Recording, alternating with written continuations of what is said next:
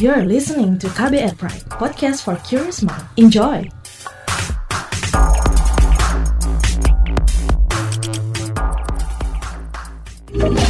Kamu lagi dengerin What's Trending KBR Pagi.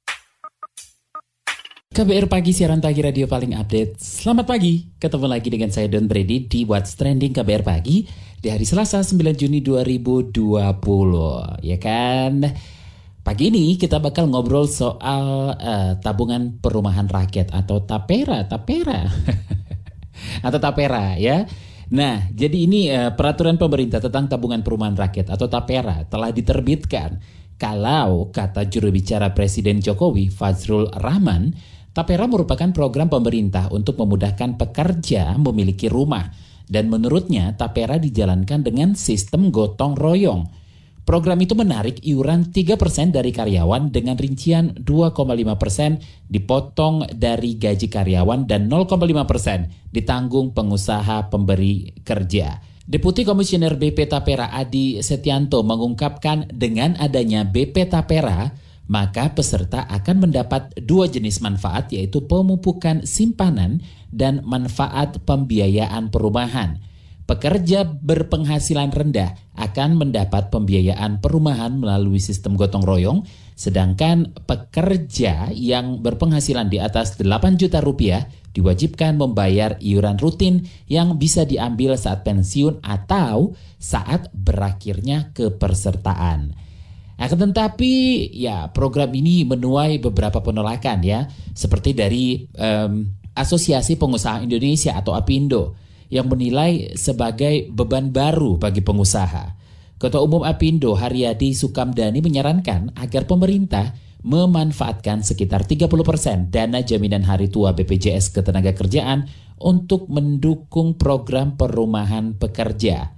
Ia juga menilai program Tapera tidak adil karena kewajiban iuran juga dibebankan kepada pekerja yang sudah memiliki rumah. Senada dengan pengusaha, Ketua Federasi Buruh Lintas Pabrik atau FBLP, Jumisi, juga menganggap kewajiban membayar iuran tapera akan menambah beban buruh yang masih bergaji di bawah kelayakan. Ini yang akan kita obrolin pagi ini ya. Tapi sebelum kita lanjutkan, kita dengarkan dulu seperti apa keriuhan netizen plus 62 di media sosial terkait ini. Ini dia. Pertama, akun Amelia Riana bilang, Don't tell me what to do with my money. Sedangkan akun M Belgedes bilang beberapa negara kayak Singapura dan New Zealand juga punya konsep iuran wajib buat tabungan pensiun dan beli rumah. Lo nggak setuju sama konsepnya atau karena nggak percaya sama pemerintahnya? Akun @zam underscore 09 bilang, kenapa nggak anggota dewan aja yang dipotong? Biar mereka yang wakilin bayar beginian. Kita belum bayar pajak dan lain-lain. Akun Nur Cahya underscore Cecep bilang benefitnya bisa diambil saat pensiun yang dibaca beberapa media. Yang jadi pertanyaannya kenapa harus wajib? Soal nabung menabung harusnya jadi pilihan pekerja sendiri. Besarnya juga ditentukan pekerjanya sendiri. Kalau akun Rose 991297774 bilang setelah kumpul semua uangnya rumah nggak ada uangnya macet. Akun Waras Forever bilang manfaatnya sih bagus supaya kelak kalau pensiun kita ada simpanan dana. Tapi belajar dari iuran BPJS, duit rakyat untuk rakyat yang dikelola negara, begitu pengelolanya bermasalah, tapi justru iurannya yang dinaikkan. Bila tidak membayar akan dikenakan denda. Akun @syarbik bilang, kebayang ya berapa gaji petinggi-petinggi tapera nantinya? Petinggi BPJS aja gajinya luar biasa. Tapera pun gak mungkin gaji petinggi-petingginya murah. Buang-buang duit. Akun @wahyu underscore dejati 88 bilang, susahnya jadi pekerja zaman now. Gaji naik gak seberapa, potongan gaji bermunculan dengan berbagai nama. Akun Jerry underscore Octavian bilang, kenapa nggak pejabatnya aja yang dipotong gaji? Sekelas pejabat daerah mulai dari camat, sekelas dan ke atasnya gitu. Nah, yang terakhir akun Wendy Takmar bilang, saat begini lebih arjen Tamara, tabungan makam rakyat.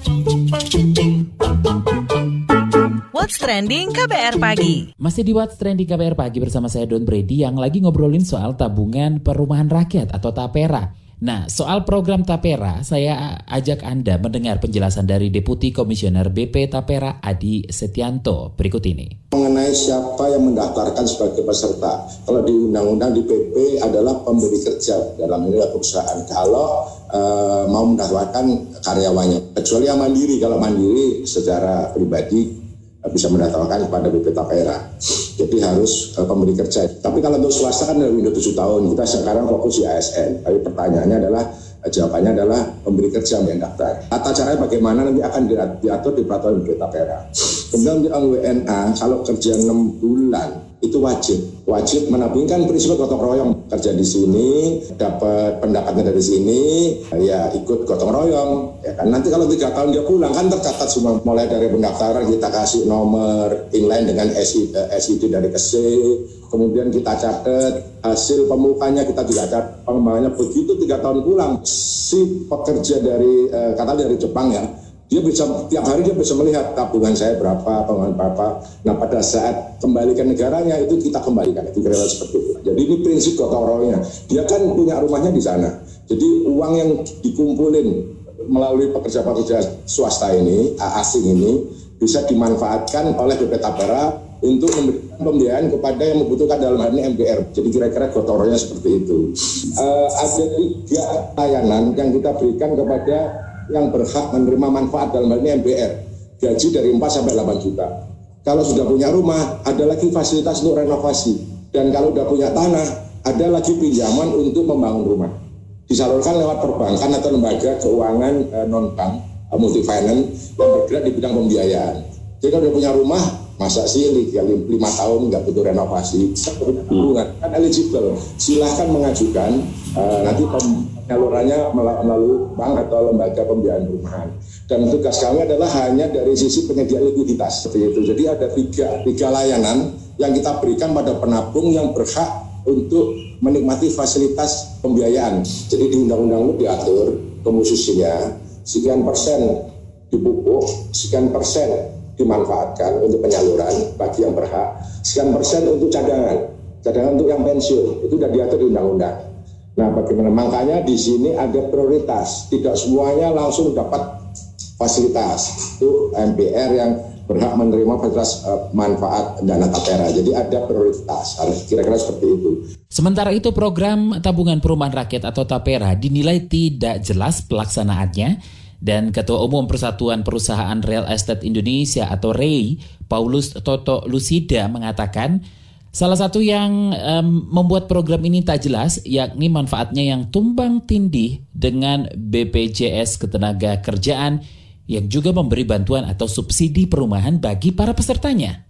Ini dia penuturannya. Kalau buat pengembang sih ya harusnya berfungsi. Tapi berfungsinya ini jadi nggak jelas gitu loh. Karena selama ini apa yang dilakukan oleh pengelola-pengelola mulai dari tabungan wajib perumahan, BPJS, sampai dengan asabri, bahkan taspen, itu semuanya nggak jelas. Nah nanti tapera ini apakah bisa ada kejelasan, sedangkan fungsinya kalau dibaca dalam BP-nya juga dia berfungsi untuk mengadakan lahan, kemudian memberi kredit konstruksi. Udahlah daripada macet-macet gitu nanti lebih baik tapera itu untuk membantu masyarakat sendiri kalau memang mau dijalankan untuk membantu perumahan. Tapi kenyataannya sekarang ini kan nggak terlalu berfungsi karena juga tapera itu aturannya kalau saya baca semuanya itu hampir sama dengan BPJS tenaga kerja. Jadi ada double overlapping ini antara BPJS TK dengan tapera ini. Mana yang mau difungsikan, mana yang mau lebih dijalankan, supaya semuanya ini bisa jalan dengan efektif. Nggak usah semuanya juga nanti difungsikan untuk proyek apa, membantu dalam masyarakat untuk perumahan ini dikasih fasilitas jalan, fasilitas apa. Udahlah fasilitas itu berupa duit aja. Kalau duit ke duit itu lebih jelas daripada duit ke proyek. Akhirnya asas fungsionalnya apa berfungsinya ini jadi nggak jelas semua. Aliran dananya akan ke mana? otomatis kalau aliran dananya nggak jelas apalagi untuk kepastian mendapatkan perumahannya Karena selama ini yang ada juga nggak jelas gitu. Pemerintah itu selalu niatnya baik, presiden itu selalu niatnya baik, tapi di bawahnya ini jadinya nggak jelas semua. Ya ini yang harus konsisten dan jelas. Nah itu dia tadi penjelasan dari Ketua Umum Persatuan Perusahaan Real Estate Indonesia atau REI, Paulus Totong Lusida, dan sebelumnya ada Deputi Komisioner BP Tapera Adi Setianto. What's Trending KBR Pagi. Tepatkah program ini menjawab kebutuhan masyarakat? Langsung saja kita obrolkan dengan ekonom dari Institute for Development of Economics and Finance atau INDEF, Bima Yudhistira.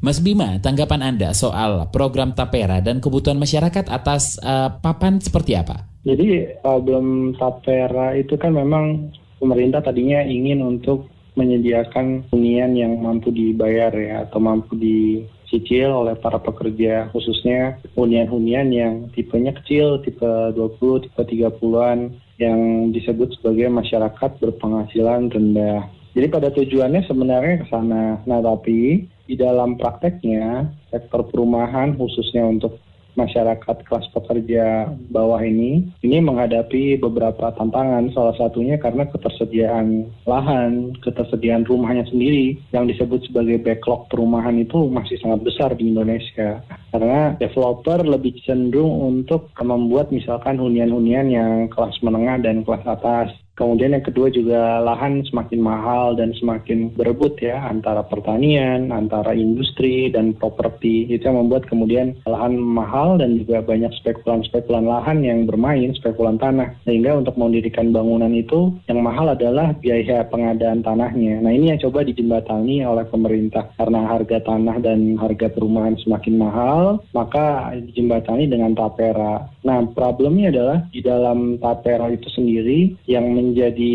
kelucuan adalah karena pemerintah seakan melepas mekanismenya itu kepada pengusaha dan kepada pekerja. Dua setengah persen ditarik dari upah pekerja, 0,5 persen dibayarkan dari pengusaha. Yang di total 3 persen, berarti dari tiap upah bulanan itu dipotong untuk iuran tapera. Lalu apa pengaruhnya nih mas? Nah yang jadi uh, masalah kan pertama tadi ternyata kita masih punya masalah dari sisi supply-nya gitu. Sementara kalau pekerja sudah bayar iuran, apakah bisa langsung mendapatkan rumah, bisa mencicil rumah lewat uh, tapra itu belum tentu gitu, belum tentu bisa. Yang kedua adalah terkait dengan pekerja yang sudah memiliki rumah. Katakanlah dia sudah punya rumah uh, dengan KPR sendiri ataupun rumah dari warisan orang tuanya Nah ini kan nggak perlu untuk ikut tapera, tapi dipaksa melalui PP tapera itu bahwa baik uh, pekerja WNI, WNA itu wajib membayar iuran. Mau sudah punya rumah atau belum, tetap wajib bayar iuran tapera. Nah ini nanti jadi double-double gitu kan tujuannya adalah untuk mereka yang belum punya rumah, tapi yang sudah punya rumah pun harus iuran ke situ gitu. Jadi ini artinya ada ada skema yang aneh sih gitu. Nah kalau melihat daya beli masyarakat, apa program ini dapat membantu mencapai tujuan untuk memiliki rumah? Iya, sekarang kan kita menghadapi krisis pandemi yang cukup serius ya. Apalagi kalau kita bicara pertumbuhan ekonomi, mungkin dalam kurun waktu 3 sampai 5 tahun ke depan juga masih dalam tahap pemulihan ya sebelum pandemi gitu. Untuk kembali ke level sebelum pandemi. Uh, ini artinya situasinya sekarang orang pun juga tidak akan berpikir untuk membeli rumah tapi justru kondisi sekarang ini bagaimana upah udah banyak yang dipotong, banyak yang tidak mendapatkan THR misalnya, banyak pekerja yang dirumahkan. Yang ada di pikiran para pekerja ini bukan untuk mencicil rumah, tapi yang ada di pikiran sekarang ini bagaimana bisa bertahan hidup gitu. Kebutuhan dasarnya yaitu makanan dan kesehatan. Jadi rumah itu belum menjadi hal yang urgent. Kalau selama bisa kontrak, selama bisa kos ya cukup. Nah ini dipaksakan, kemudian ini yang saya khawatirkan nanti sudah ada iuran BPJS Kesehatan naik, kemudian juga ada tagihan listrik yang meningkat. Kalau sampai ditambah kemudian tapera ini, ini akan menggerus yang namanya pendapatan masyarakat. Otomatis efeknya kepada daya beli. Harga barangnya terus meningkat secara umum, tapi pendapatannya tergerus untuk iuran-iuran seperti ini. Lagian kan juga semacam double-double antara tapera dengan BPJS Ketenagakerjaan. Karena mereka yang sudah punya rumah, tetap harus ikut tapera, nanti di akhir masa pensiun uangnya bisa diambil seperti jaminan hari tua. Jadi ngapain udah bayar BPJS tenaga kerjaan, bayar juga kemudian uh, tapera itu kalau simulasinya gaji 5 juta aja gitu ya, itu sebulan bisa keluar 300 ribuan lebih itu untuk semua iuran BPJS, Tapera dan lain-lain. Jadi itu sangat memberatkan uang yang harusnya dikonsumsi bisa dibuat uh, kebutuhan urgent yang mendesak ini malah kemudian masuk ke dalam uh, kasnya lembaga pengelolaan tapera gitu. Itu yang yang nggak pas momentumnya juga. Catatan lainnya adalah kita mengkhawatirkan adanya pengelolaan dana masyarakat ya. Ini kan dana masyarakat dana pekerja di dalam satu lembaga. Ini memang harus diawasi dengan cukup serius apalagi ini diserahkan dananya nanti kepada manajemen investasi. Jadi bisa dibayangkan berapa puluh atau berapa ratus uh, triliun mungkin yang yang bisa dipungut dari seluruh Indonesia ini lebih besar daripada BPJS Kesehatan. BPJS Kesehatan itu satu persen, ini kan tiga persen dari upah. Jadi lebih besar daripada BPJS Kesehatan. Nah ini kalau pengelola dananya tidak amanah atau tidak profesional, mungkin kita akan mengalami kasus yang lebih berat daripada Jiwasraya gitu. Terima kasih ekonom dari Institute for Development of Economics and Finance, Indef, Bima Yudhistira. What's Trending KBR Pagi. Demikian KBR Pagi hari ini. Jika Anda tertinggal siaran ini, Anda bisa menyimaknya di podcast What's Trending di kbrprime.id atau di aplikasi podcast lainnya. Waktunya saya Don Brady pamit, ketemu lagi besok. Selamat beraktivitas dan tetap menjaga kesehatan ya. Tetap waspada. Bye-bye. Terima kasih ya sudah dengerin What's Trending KBR Pagi. KBR Prime, cara asik mendengar berita. KBR Prime, podcast for curious mind.